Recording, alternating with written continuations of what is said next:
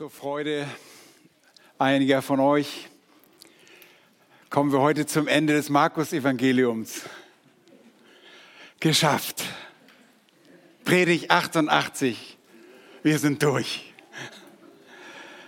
Nun, das Thema für den letzten Abschnitt ist alles gut, Ende gut. Und jetzt denkt vielleicht so mancher, Borchmann, hast du Shakespeare irgendwie durcheinander geworfen? Ich glaube, der hat das irgendwie anders gesagt. Ende gut, alles gut. Nein, mein Thema ist alles gut, Ende gut? Frage. Und wenn wir diesen Abschnitt lesen,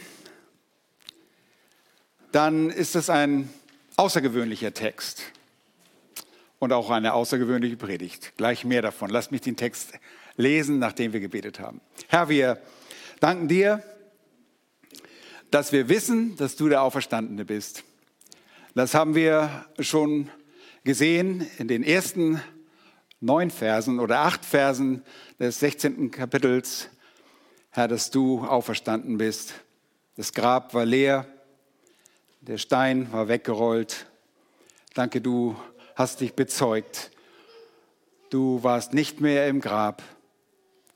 Danke für dieses große Vorrecht, dass wir wissen, dass du lebst und weil du lebst, werden auch wir leben. Wir befehlen dir jetzt auch diese Stunde an, der Wortbetrachtung und wollen auf dich hören. Um deines Namens willen beten wir um Aufmerksamkeit. Amen. Ich lese den Text. Markus 16, 9 bis 20. Und heute werde ich aus meiner Mappe lesen, nicht aus meiner Bibel. Als er aber früh am ersten Tag der Woche auferstanden war, erschien er zuerst der Maria Magdalena, von der er sieben Dämonen ausgetrieben hatte. Diese ging hin und verkündigte es denen, die mit ihm gewesen waren. Sie, die trauerten und weinten. Und als diese hörten, dass er lebe und von ihr gesehen worden sei, glaubten sie es nicht.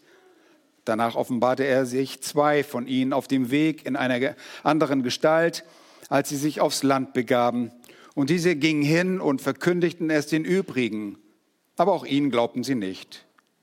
Danach offenbarte er sich den Elfen selbst, als sie zu Tisch saßen und tadelte ihren Unglauben und die Härte ihres Herzens, dass sie denen, die ihn auferstanden gesehen hatten, nicht geglaubt hatten. Und er sprach zu ihnen, geht hin in alle Welt, verkündigt das Evangelium der ganzen Schöpfung. Wer glaubt und getauft wird, der wird gerettet werden. Wer aber nicht glaubt, der wird verdammt werden. Diese Zeichen aber werden die begleiten, die gläubig geworden sind. In meinem Namen werden sie Dämonen austreiben. Sie werden in neuen Sprachen reden. Schlangen werden sie aufheben. Und wenn sie etwas Tödliches trinken, wird es ihnen nicht schaden. Kranken werden sie die Hände auflegen und sie werden sich wohl befinden. Der Herr nun wurde, nachdem er mit ihnen geredet hatte, aufgenommen in den Himmel und setzte sich zur Rechten Gottes. Sie aber gingen hinaus und verkündigten überall. Und der Herr wirkte mit ihnen und bekräftigte das Wort durch die begleitenden Zeichen. Amen. Soweit der Text aus meiner Mappe. Alles gut, Ende gut. Und wir kommen heute zum letzten Teil dieser Betrachtung. Und das Erste, was ich sagen möchte, das gute Evangelium von Jesus Christus nach Johannes Markus.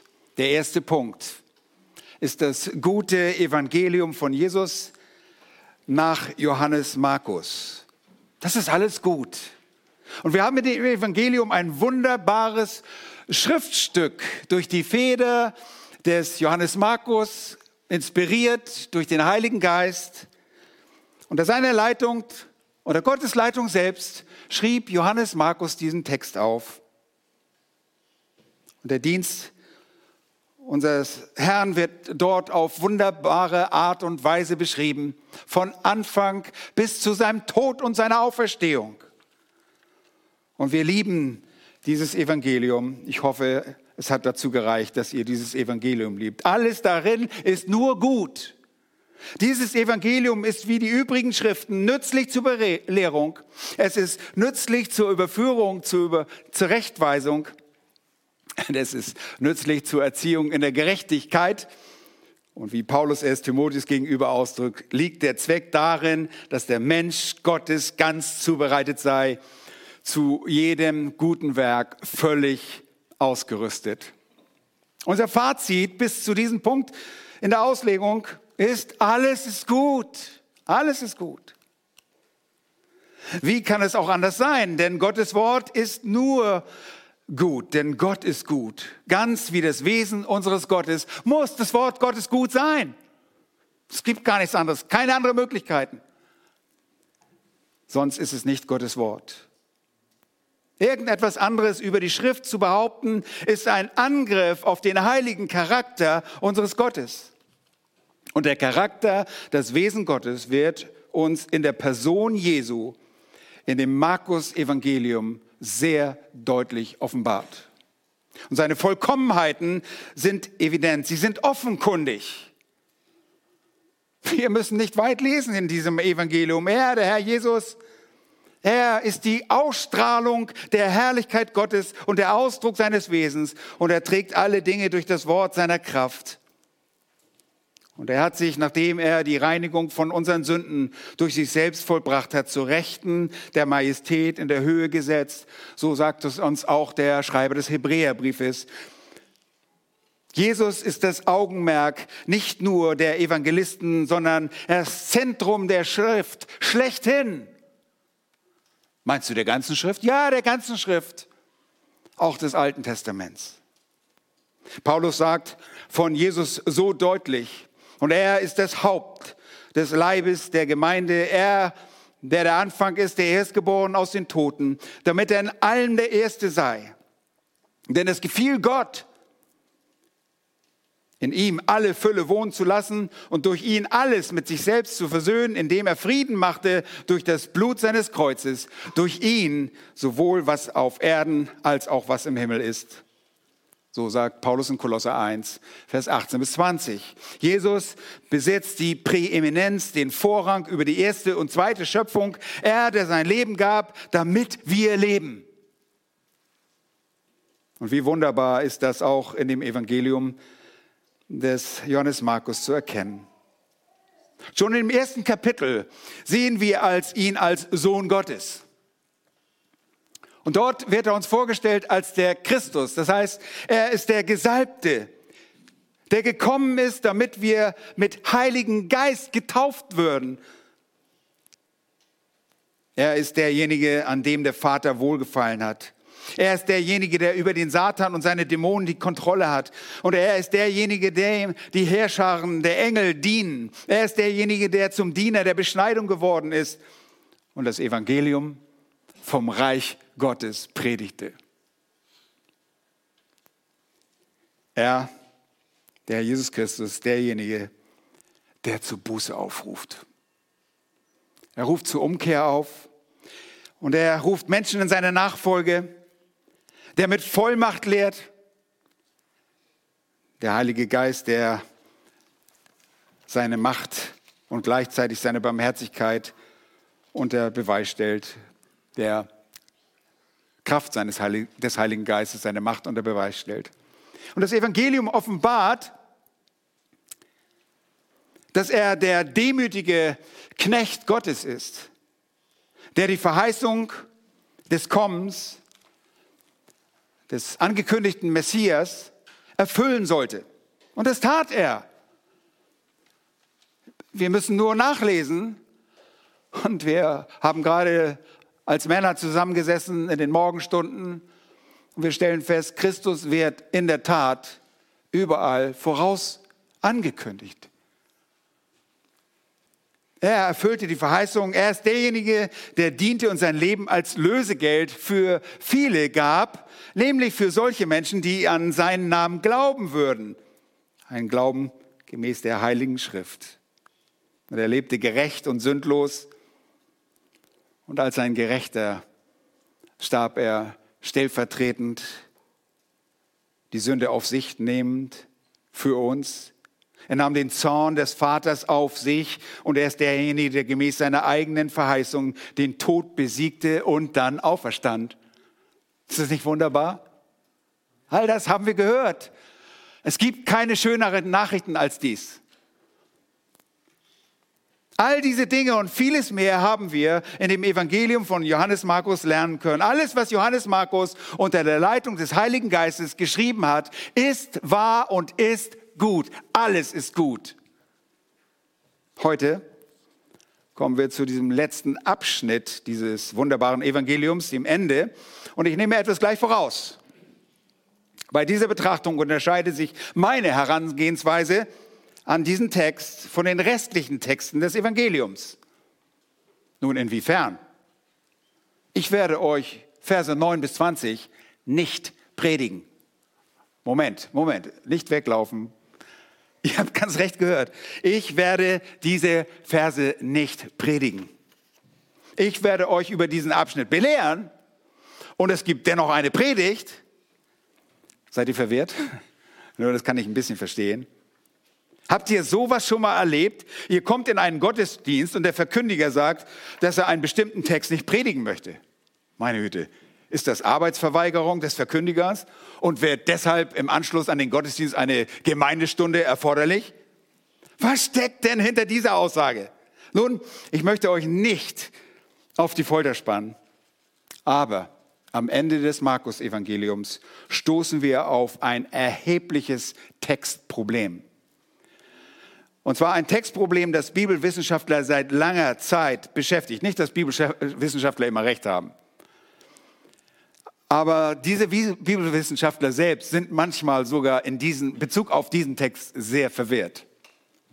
Und ich komme damit schon zum zweiten Punkt. Und ich hoffe, dass ich mein Versprechen halten kann, heute nicht ganz so lange predige. Das zweifelhafte Ende des Markus-Evangeliums. Bisher war alles gut. Und jetzt kommen wir zu einem zweifelhaften Ende des Markus-Evangeliums. Nun, wir stoßen auf eine uns ungewöhnliche Schwierigkeit in dem Text von Markus 16, Vers 8b ist es eigentlich. In unseren Ver äh, Bibeln äh, ist es schon Vers 9, 9 bis 20. Diese Verse nämlich sind in den ältesten erhaltenen Handschriften, den besseren, wie wir sagen, äh, Handschriften nicht enthalten. Und zwar die den deutschen und anderen Übersetzungen zugrunde liegen. Die ältesten äh, Handschriften und oft die genauesten Handschriften, die uns vorliegen, enden bei Markus Kapitel 16, Vers 8. Während die große Mehrheit der Handschriften, die allergrößte Mehrheit der Handschriften, die Verse 9 bis 20 hinzufügt. Na, was gibt es denn da noch zu reden? Die Mehrheit gewinnt. Wer ist dafür? Alle mal melden. Nein, so geht es nicht.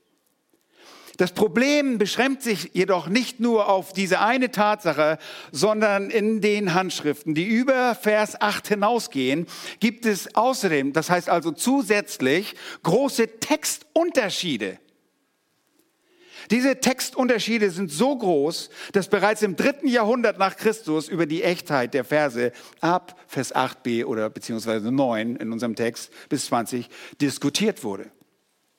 Offensichtlich gibt es sehr verworrene Beweise für die Echtheit von allem, was nach Vers 8 kommt. Aber findet der Text nicht vielleicht sein Ende in Vers 8? Und können wir das nicht alles wegfallen lassen? Nun wäre das so, dann scheint das Ende eher merkwürdig zu sein, dass Markus mit einem negativen Ton, nämlich der Furcht der Frauen und dort in Vers 8 geendet haben soll und das ist alles ein bisschen sehr merkwürdig. Was steht dort? Sie gingen schnell hinaus und flohen von dem Grab. Sie hatten aber ein Zittern und Entsetzen befallen und sie sagten niemand etwas, denn sie fürchteten sich. In der griechischen Sprache endet dieser Vers mit der Konjunktion, der griechischen Konjunktion ga, das heißt denn, ein Bindewort. Das ist sehr merkwürdig. Gelehrte diskutieren diese Frage noch immer sehr ausführlich und es gibt bis heute keinen Konsens darüber, was genau geschehen sein könnte. Und die größte Schwierigkeit auf dem Weg zu einer Lösung dahin liegt in der Tatsache, dass die vielen griechischen Handschriften, die uns vorliegen und die die Verse 9 bis 20 oder einige Verse davon enthalten, zwar auch relativ ent spät entstanden sind, aber dennoch auf eine starke, sehr starke oder früh entstanden sind und eine sehr starke Tradition hinweisen, dass der ursprüngliche Text nicht bei Vers 8 endete. Es gibt eine sehr starke Tradition, dass das also weitergeht als Vers 8, dass noch etwas kommen sollte. Allein die Zahl dieser Handschriften mit einem längeren Ende spricht dafür, dass es sich um eine alte Tradition handelt und dass man diese alte Tradition auch ernst nehmen sollte. Viele Schriftstücke, und das sollte doch reichen, dass es so viele Stücke, äh, Schriftstücke darüber gibt, oder? Nein. Denn damit ist die Sache nicht erledigt. Denn innerhalb dieser vielen Handschriften, könnt ihr mir folgen, diese Handschriften, die Vers 9 bis 20 abdrucken, gibt es kein Konsens darüber, gibt es nochmal äh, viele Varianten, sehr viele Unterschiede. Es besteht kein Konsens darüber, wo der Text endet. Einige der Texte, die uns zugrunde liegen in der griechischen Sprache, enden bei Vers 13, andere enden bei, enden bei, bei Vers 18 und andere wieder bei Vers 20. Und diese Umstände stellen die Echtheit dieser letzten Verse tatsächlich in Frage. Und man nimmt sogar an, dass römische Christen die fehlende Seite am Ende des Markus-Evangeliums aus dem Gedächtnis zu ersetzen suchten. Außerdem stimmt ein gewisser Inhalt dieser letzten Verse äh, nach Auffassung vieler Theologen nicht mit dem Rest des Neuen Testaments überein. Viele Dinge stimmen überein, andere wieder nicht. Ich sollte sagen, einige Dinge. Viele stimmen überein, einige stimmen nicht überein. Gelehrte, speziell Altphilologen, das sind äh, Sprachwissenschaftler und Literaturwissenschaftler der griechischen Sprache, sie weisen darauf hin, dass sich das griechische Vokabular und die Grammatik und der Stil von Vers 9 bis 20 deutlich vom Rest des Markus-Evangeliums unterscheiden. Auch dies spricht gegen die Echtheit des Textes, dass sie aus der Feder des Johannes Markus stammen. Nun, die theologischen Schwierigkeiten, die man anprangert, die beinhalten zum Beispiel Vers 16, wo es sich nach einer Wiedergeburt durch die Taufe anhört. Nun, meines Erachtens lässt sich das auch klären. Oder auch Vers 17, mit dem diese Theologen Schwierigkeiten haben. Das scheint eine ständige Gabe der Zungenrede für Gläubige anzudeuten, was wir natürlich negieren, aber das lässt sich auch erklären. Aber vor allem Vers 18, das ist wohl das Hauptargument, der Umgang mit Schlangen und besonders die Immunität gegen ein tödliches Getränk, das man konsumiert. Wenn man solches zu sich nimmt, das ist Sondermaterial in der Heiligen Schrift. Dieser Vers beziehungsweise die anderen Verse haben keine oder nur sehr äh, geringe oder schwache Unterstützung durch andere Schriften des Neuen Testaments. Ich gehe gleich noch ein bisschen darauf ein. Darüber hinaus sehen wir einige, sehen einige einen Widerspruch in dem erzählerischen Detail von Vers 13 und ihr könnt das einfach nur mal zur Kenntnis nehmen. Ihr müsst das gar nicht alles nachschlagen. Äh, ihr müsst nur wissen, warum ich dieses Argument habe, dass es nicht zur Schrift gehört, warum es nicht inspiriert ist das erzählerische Detail im Vergleich zu Lukas 24, 34. Nun, auch das könnte man meines Erachtens lösen. Und es könnte sich dort um unterschiedliche Ereignisse am Tag der Auferstehung handeln. Aber ich möchte nicht so sehr auf die theologischen Schwierigkeiten eingehen und mich an dieser Stelle mit Einzelheiten beschäftigen, sondern eine Erklärung für das Ende im Markus Evangelium finden. Woran sind wir da eigentlich? Was machen wir damit? Wie können wir diesen Abschnitt richtig und recht einordnen? Und es scheint so, dass die Auflistung der Schwierigkeiten, die mit einem langen Ende verbunden sind, so vielfältig die handschriftlichen Belege auch sein mögen, auf ein klares Argument für ein kurzes Ende hindeuten. Warum lassen wir das nicht einfach weg? Seht ihr, das lange Ende, da gibt es so viele Unterschiede. Warum streichen wir das nicht einfach durch? Nun, ihr Lieben, man streicht nicht einfach so mal Dinge durch, weil man denkt, ah, das könnte vielleicht nicht wahr sein. Das macht man nicht. Das ist vielleicht Gottes Wort, das wir durchstreichen. Das wollen wir nicht einfach so wegstreichen. Nun, wir können nicht so ganz einfach sagen, hört einfach bei Vers 8 auf, dann ist es gut. So einfach ist es nicht. Denn es ist eindeutig ein sehr merkwürdiges Ende in dem so sonst so zuverlässigen, positiven, optimistischen Evangelium. Warum sollte es mit diesem furchtsamen Ende der Frauen oder mit dieser Konjunktion am Ende enden? Wäre hier tatsächlich Schluss, das würde der griechischen Text zum einen mit der Furcht dann enden, beziehungsweise mit einer merkwürdigen äh, grammatischen Konstellation. Die Schwierigkeit, hier zu einer Entscheidung zu kommen, ist also nicht so einfach, sondern eher komplex. Und so müssen wir Befürworter des langen Endes, müssen die Befürworter eines langen Endes unter anderem folgende Fragen beantworten. Und zwar die Frage Nummer eins, wie ist es zur Veränderung des Wortschatzes, der Grammatik und des Stils gekommen? Das ist nicht typisch für Johannes Markus. Wie kommt das, dass auf einmal ganz anderer Wortschatz und ein anderer grammatischer Stil äh, hier vorhanden ist? Zweitens, wie sind die theologischen Schwierigkeiten in den Versen 16 bis 18 zu erklären? Drittens, wie ist die große Vielfalt an Texten für die Verse 9 bis 20 zustande gekommen? Und warum besitzt nun das lange Ende Autorität. Warum nicht eins der etwas kürzeren, das bei Vers 13 oder sonst wo aufhört? Nun, Befürworter des kurzen Endes wiederum, der mit Vers 8, äh, das mit Vers 8 aufhört, müssen unter anderem erklären, wie der Text so abrupt und untypisch endet. Seht ihr das Dilemma? Ah, ein bisschen schwierig. Nun, in der Regel argumentiert man für ein kurzes Ende durch die Behauptung, dass die letzte Seite des Manuskripts verloren gegangen ist. Okay, kann passieren, oder? Sie sagen, äh, der Text hat ein kurzes Ende, weil die letzte Seite des Manuskripts einfach abhanden gekommen ist. Und das kann man leicht sagen, aber diese Behauptung wirft wiederum zwei Fragen auf. Die erste davon ist, wie hat sich die verlorene Seite auf alle Kopien ausgewirkt? Versteht ihr, was ich meine?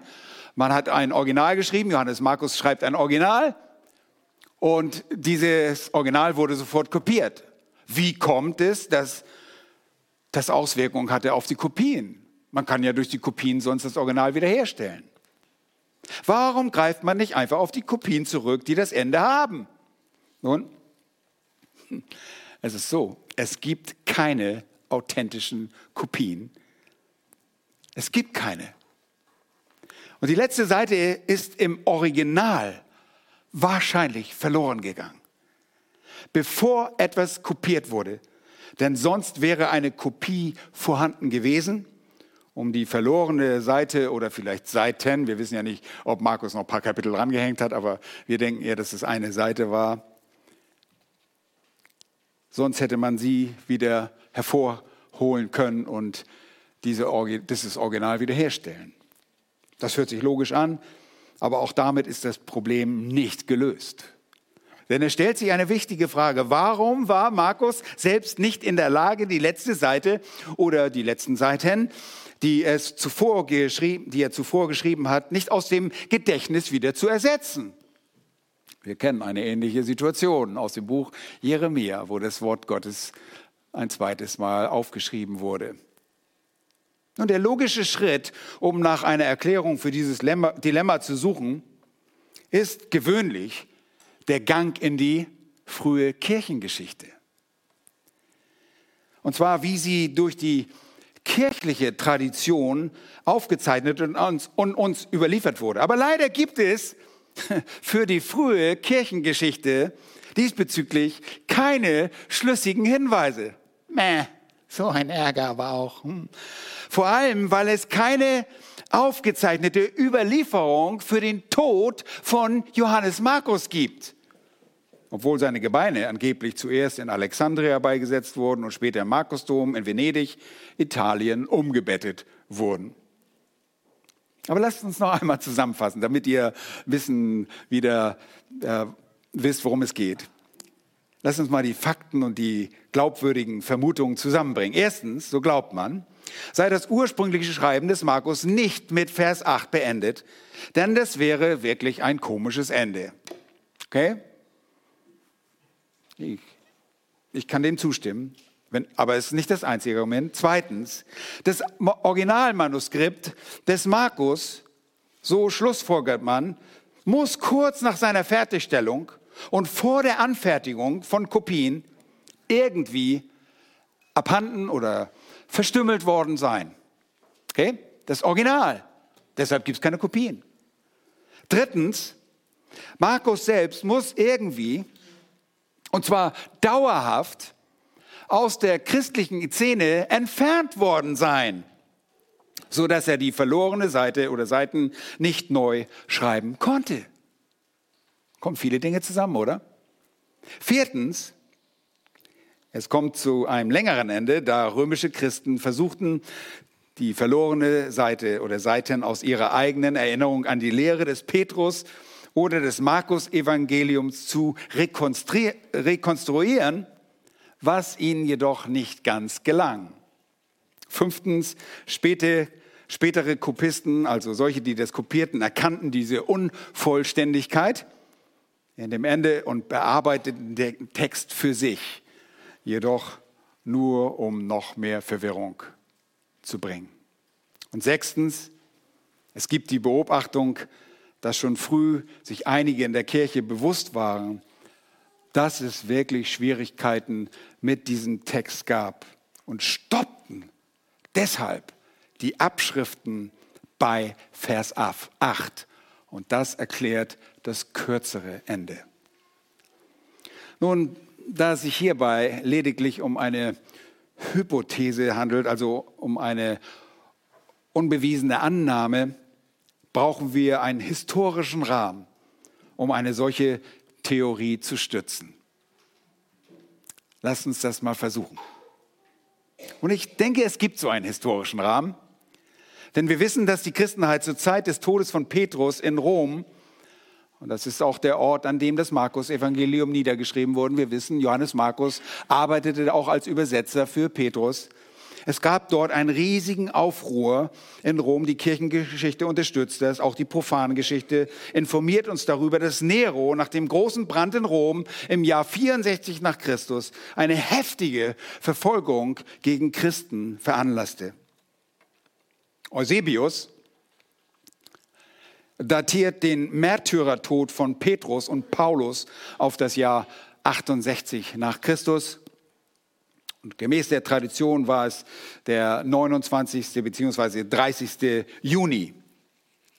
Viele Überlieferungen gehen davon aus, dass Paulus und Petrus praktisch gleichzeitig gemartert wurden. Sie können das nicht ganz genau beweisen, aber aus der kirchlichen Überlieferung geht auch hervor, dass Markus sein Evangelium vor dem Tod des Petrus angefangen hatte, aber erst nach dessen Tod fertiggestellt hat. Vielleicht wurde es sogar in mehreren Schritten veröffentlicht, veröffentlicht so eine Art äh, Fortsetzungsgeschichte. Wenn das so wäre, dann bringt es die ansonsten widersprüchlichen Aussagen dass es einerseits zu Lebzeiten des Petrus und andererseits nach dessen Tod geschrieben wurde, in Einklang. Ist es nicht so? Eines steht jedoch fest. Die antike Überlieferung geht davon aus, dass Markus um die Zeit des Todes des Petrus geschrieben wurde. Dass zu dieser Zeit eine grausame, sehr grausame Verfolgung gab, ist es nicht auszuschließen, dass selbst Markus, Johannes Markus, in dieser Welle ums Leben kam. Und in dieser ganzen antichristlichen Stimmung einfach sein Leben verlor, zur Zeit des Abscheidens von Petrus. Und diese Theorie geht mit dem Markus-Evangelium, die Zeit um das Evangelium, äh, gibt dem äh, Johannes Markus Evangelium die Zeit, um das Evangelium zu vollenden. Und es könnte sogar sein, dass der Text bis Vers 8 fertig war, aber durch seine Gefangennahme eine Unterbrechung erlebte. Die Unruhen der Zeit könnten aber auch erklären, wie die letzte Seite zerstört worden ist, beziehungsweise verloren gegangen ist. Das Martyrium des Markus würde dann erklären, wie es dazu kam, dass es diese Seite nicht noch einmal als ein ein wiederhergestelltes Dokument gab. Versteht ihr? Wenn er gestorben ist, er hatte nicht die Zeit, das wiederherzustellen. Und ich möchte, dass ihr versteht, warum ich diesen Text nicht auf dieselbe Art und Weise auslege wie den Rest des Evangeliums, dessen Autorität völlig sicher ist und wo auch alles gut ist. Aus dem historisch vermuteten Rahmen ergeben sich zwei wichtige Mutmaßungen. Erstens, der von Markus aufgezeichnete Text, wahrscheinlich das Original, ist in dem Chaos, das die Kirche in Rom während der Verfolgung verschlang und bei der Petrus und Paulus den Märtyrertod erlitten, irgendwie verstümmelt worden. Okay? Er ist nicht ganz verloren. Wir haben bis Vers 8 haben wir alles. Aber die letzte Seite, keine Ahnung. Wir wissen nicht. Ist weg. Vielleicht die letzten Seiten. Und dazu erlitt Markus etwas zur gleichen Zeit, nämlich den Märtyrertod. Und verschiedene Versuche wurden deshalb unternommen, die fehlenden, äh, diese fehlerhaften Versuche, die Seite zu rekonstruieren. Okay?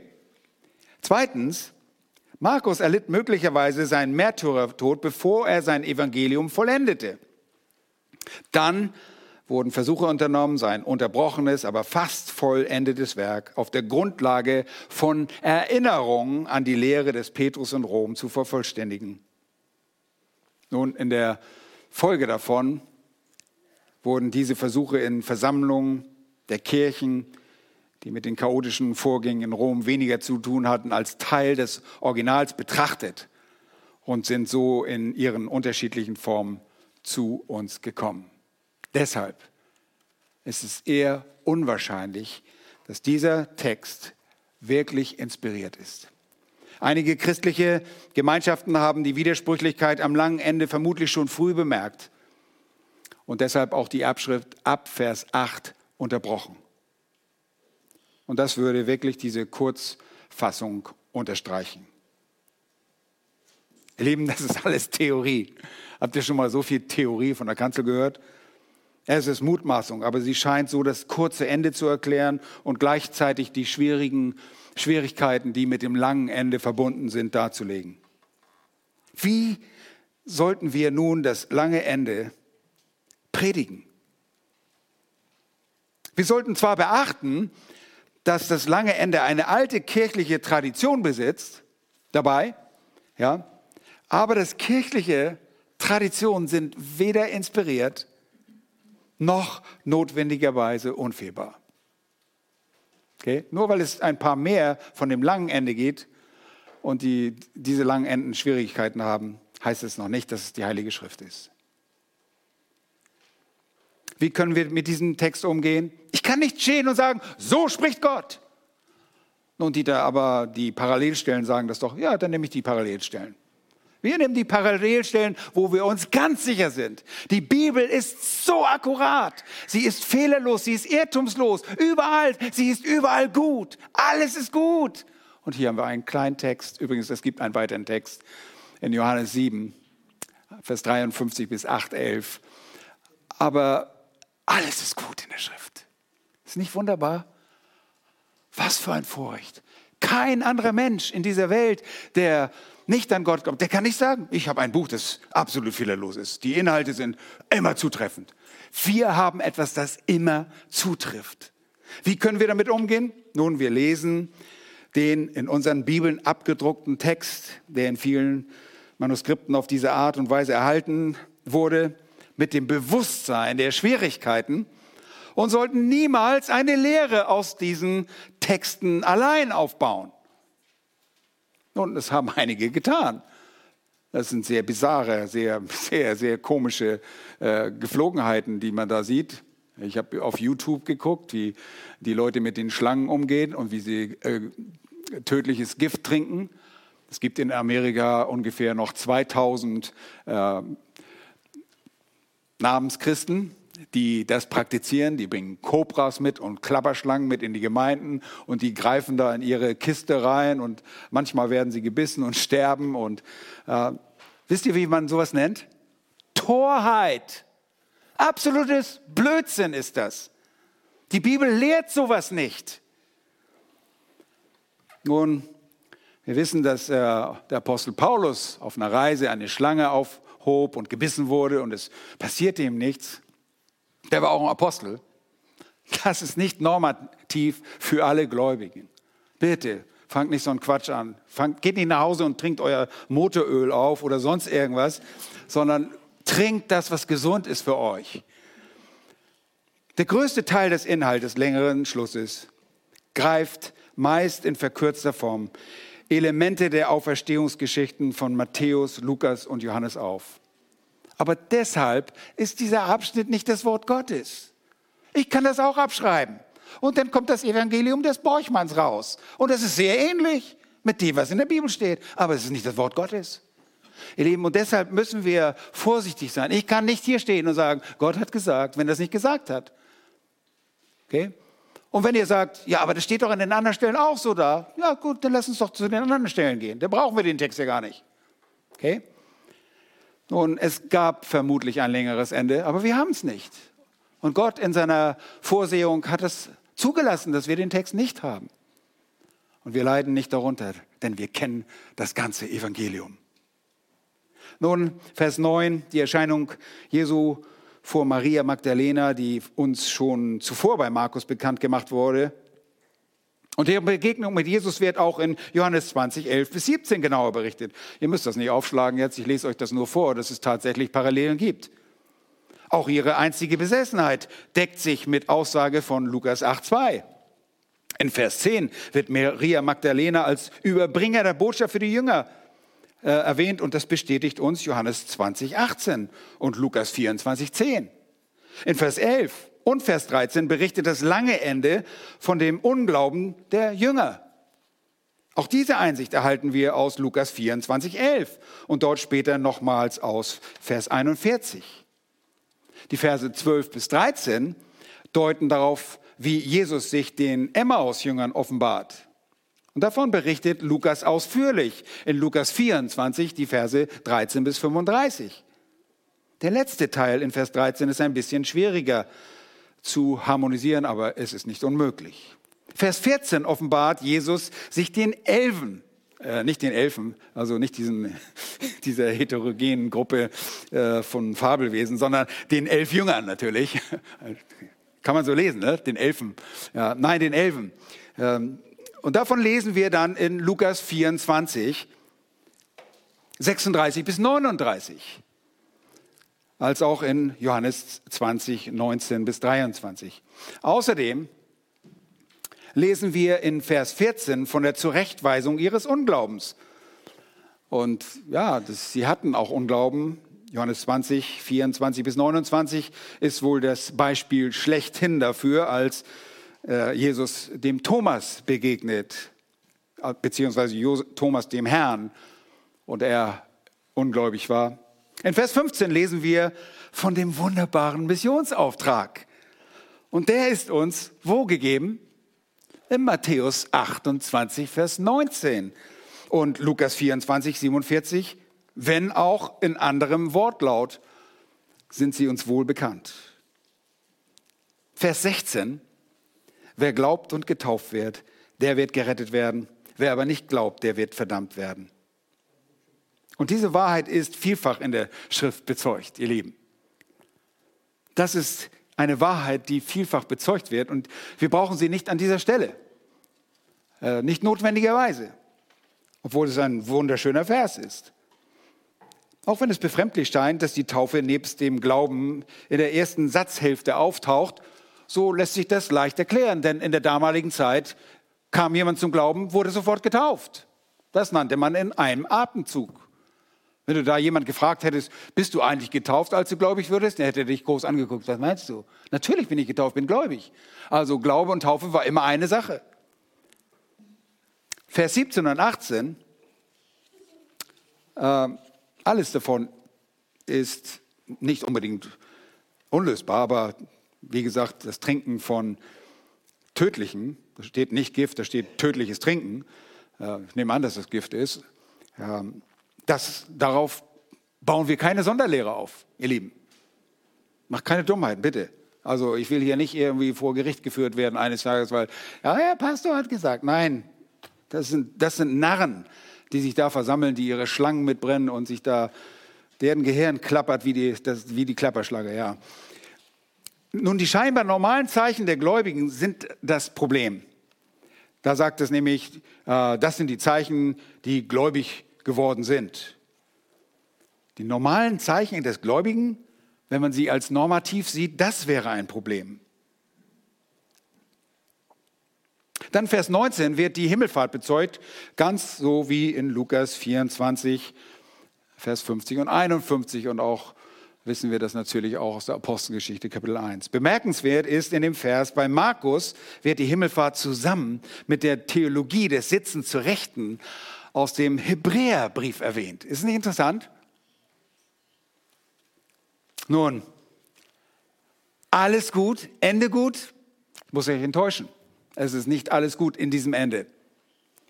Aber das macht die Schrift nicht schlecht. Drittens, die unerschütterliche Wahrheit, die dein gutes Ende garantieren kann. Und das Ende des Markus-Evangeliums, wir haben einen korrupten Text.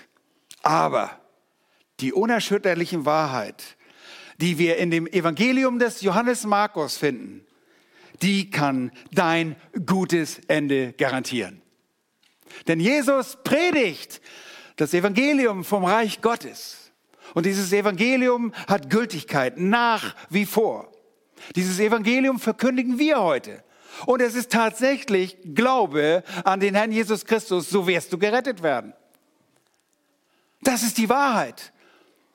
Und jemand, der gerettet wird, der wird ein gutes Ende haben. Selbst wenn er in diesem Leben auf eine tragische Art und Weise, auf was auch immer, sterben mag. Das Ende ist die Gegenwart unseres Herrn Jesus Christus, die Vereinigung mit ihm. Und so lassen wir uns nicht erschüttern durch einen Text. Im Gegenteil, es erfreut uns, dass die Textstellen, dass die Schrift so zuverlässig ist, dass wir uns auf die Schrift komplett verlassen können, dass alles gut ist. Und es gibt nur jemand, die meinten, wir sollten diesen Text abdrucken. Und das ist okay, das ist okay. Sonst hätten wir jetzt nicht dieses Gespräch miteinander, oder? Oder den Monolog, sollte ich sagen. Diese Predigt. Nun, es gibt ein gutes Ende für dich. Glaubst du an Jesus Christus? Er wurde Mensch. Die Bibel zeugt uns das. Nun, Johannes Markus zeigt uns den Dienst des Herrn. Er zeigt uns, wozu der Herr Jesus Christus kam. Er kam nämlich zunächst einmal, um zu lehren. Und er ging durch die verschiedenen Ortschaften, um zu lehren. Und er sagt, dazu bin ich gekommen, um zu lehren.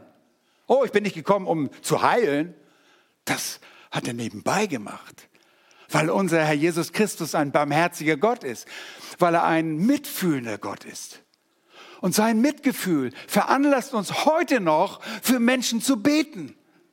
Deshalb, ihr Lieben, lasst uns in der kommenden Woche für unsere Geschwister in der Ukraine beten. Lasst uns bitte beten. Wenn etwas sich ändert, dann nicht durch unsere deutsche Regierung oder durch irgendwelche militärischen Eingriffe, sondern Gott muss eingreifen. Ich glaube daran. Nun, unser Jesus Christus ist barmherzig, er ist mitfühlend und er ist gekommen, um Sünder zu Buße zu rufen. Nicht die Gesunden brauchen einen Arzt, sondern die Kranken. Jesus ist niemals gekommen und hat gesagt, oh, du bist, dir geht's gut, du brauchst mich nicht. Nein. Der Mensch ist von Grund auf sündig und schuldig vor Gott. Und der heilige Gott, und das lesen wir immer wieder im Alten Testament ganz besonders, der heilige Gott bringt immer eine Konsequenz aufgrund von Sünde. Es muss immer gestraft werden. Gott fordert sogar Strafe. Es ist notwendig. Das ist, entspricht seiner Gerechtigkeit. Gott wäre nicht gerecht, wenn er nicht strafen würde. Und so straft Gott der Vater seinen eigenen Sohn. Er schickt ihn auf die Erde. Und das zeigt uns das ganze Evangelium. Das können wir glauben. Wir haben keine, keine Zweifel daran. Wir öffnen die Bibel. Und wenn du ein Kind Gottes bist, geht es dir genau wie mir. Wir öffnen die Bibel und wir sagen, da steht es, hier stimmt es. Keine Zweifel. Leute, wacht auf, freut euch. Das ist etwas Wunderbares. Und euer Ende ist etwas Wunderbares. Selbst wenn ich hier von dieser Kanzel nach Hause gehe und mich überfährt irgendjemand, oder ich bin morgen tot, oder mich trifft eine Handgranate, oder was auch immer, das ist ein gutes Ende. Christus ist mein Leben und Sterben ist ein Gewinn, denn wir kommen in die Gegenwart Gottes. Und das lehrt uns die ganze Schrift. Und da besteht kein Zweifel dran. Seht ihr, und so bleibe ich meinen Worten treu. Und ich bin beendet. Und ich rufe euch auf, bringt euer Leben mit Christus in Ordnung. Bringt es mit ihm in Ordnung. Dann wirst du ein gutes Ende haben. Das ist viel wichtiger als das Ende eines Textes in der Heiligen Schrift, das nichts ändert an dem, was geschrieben steht. Bring dein Leben mit Gott in Ordnung. Suche sein Angesicht. Und dann und dann erkann, erkenne mehr und mehr seine Herrlichkeit. Und er wird dich immer weiterbringen, immer mehr und mehr von seiner Herrlichkeit erkennen lassen. Wisst ihr, was das bewirkt? Ihr werdet ihm dienen. Und zwar so, wie wir das gelesen haben im Alten Testament, die haben freiwillig Dinge gebracht. Die waren so willig, Dinge zu bringen, Sie hatten so viel, dass sie nicht mehr brauchten. Leute, den Tag nenne ich euch, wo wir sagen, ah, wir wollen heute keine Kollekte rumgehen lassen, wir haben schon viel zu viel Geld. Leute, wir wollen willig geben. Es geht doch nicht darum, dass wir, oh, ich muss schon wieder was spenden, oh, ich will das eigentlich für mich haben. Leute, wir wollen Gott von Herzen dienen. Ein verändertes Herz, weil wir die Herrlichkeit Gottes kennen und nicht nur geben, sondern unser Leben wollen wir geben. Lass uns zusammen beten. Herr, wir danken dir von ganzem Herzen, dass die Glaubwürdigkeit deines Wortes niemals in Frage gestellt kann, werden kann. Dein Wort ist die Wahrheit. Bitte heilige uns durch dein Wort. Überführe uns auch von unseren Irrtümern. Herr, wir wissen, dass wir nicht vollkommen sind. Wir wissen, dass wir immer noch leicht irren. Oh, danke, dass wir einander haben, dass wir einander zurechtbringen können dass wir aufeinander gehen, zugehen können. Danke für das Vorrecht, das wir besitzen, dass wir einander die Lasten tragen können. Herr, wir wollen dein Gesetz, das Gesetz des Christus erfüllen und aus Liebe handeln und aus Liebe miteinander umgehen. Und danke, dass du uns zuerst geliebt hast, dass wir überhaupt lieben können, dass du dein Leben gegeben hast, Herr Jesus Christus. Wir wollen deinen Namen erheben, der über alle Namen ist. Es gibt keinen schöneren Namen und nur diesen einen Namen, in dem Erlösung ist. Herr, rette du, rette an diesem heutigen Tag. Veränder du das Herzen derjenigen, die dein Wort hören, es glauben und annehmen und dir folgen wollen. Das bitten wir zu deiner Verherrlichung. Amen. Amen.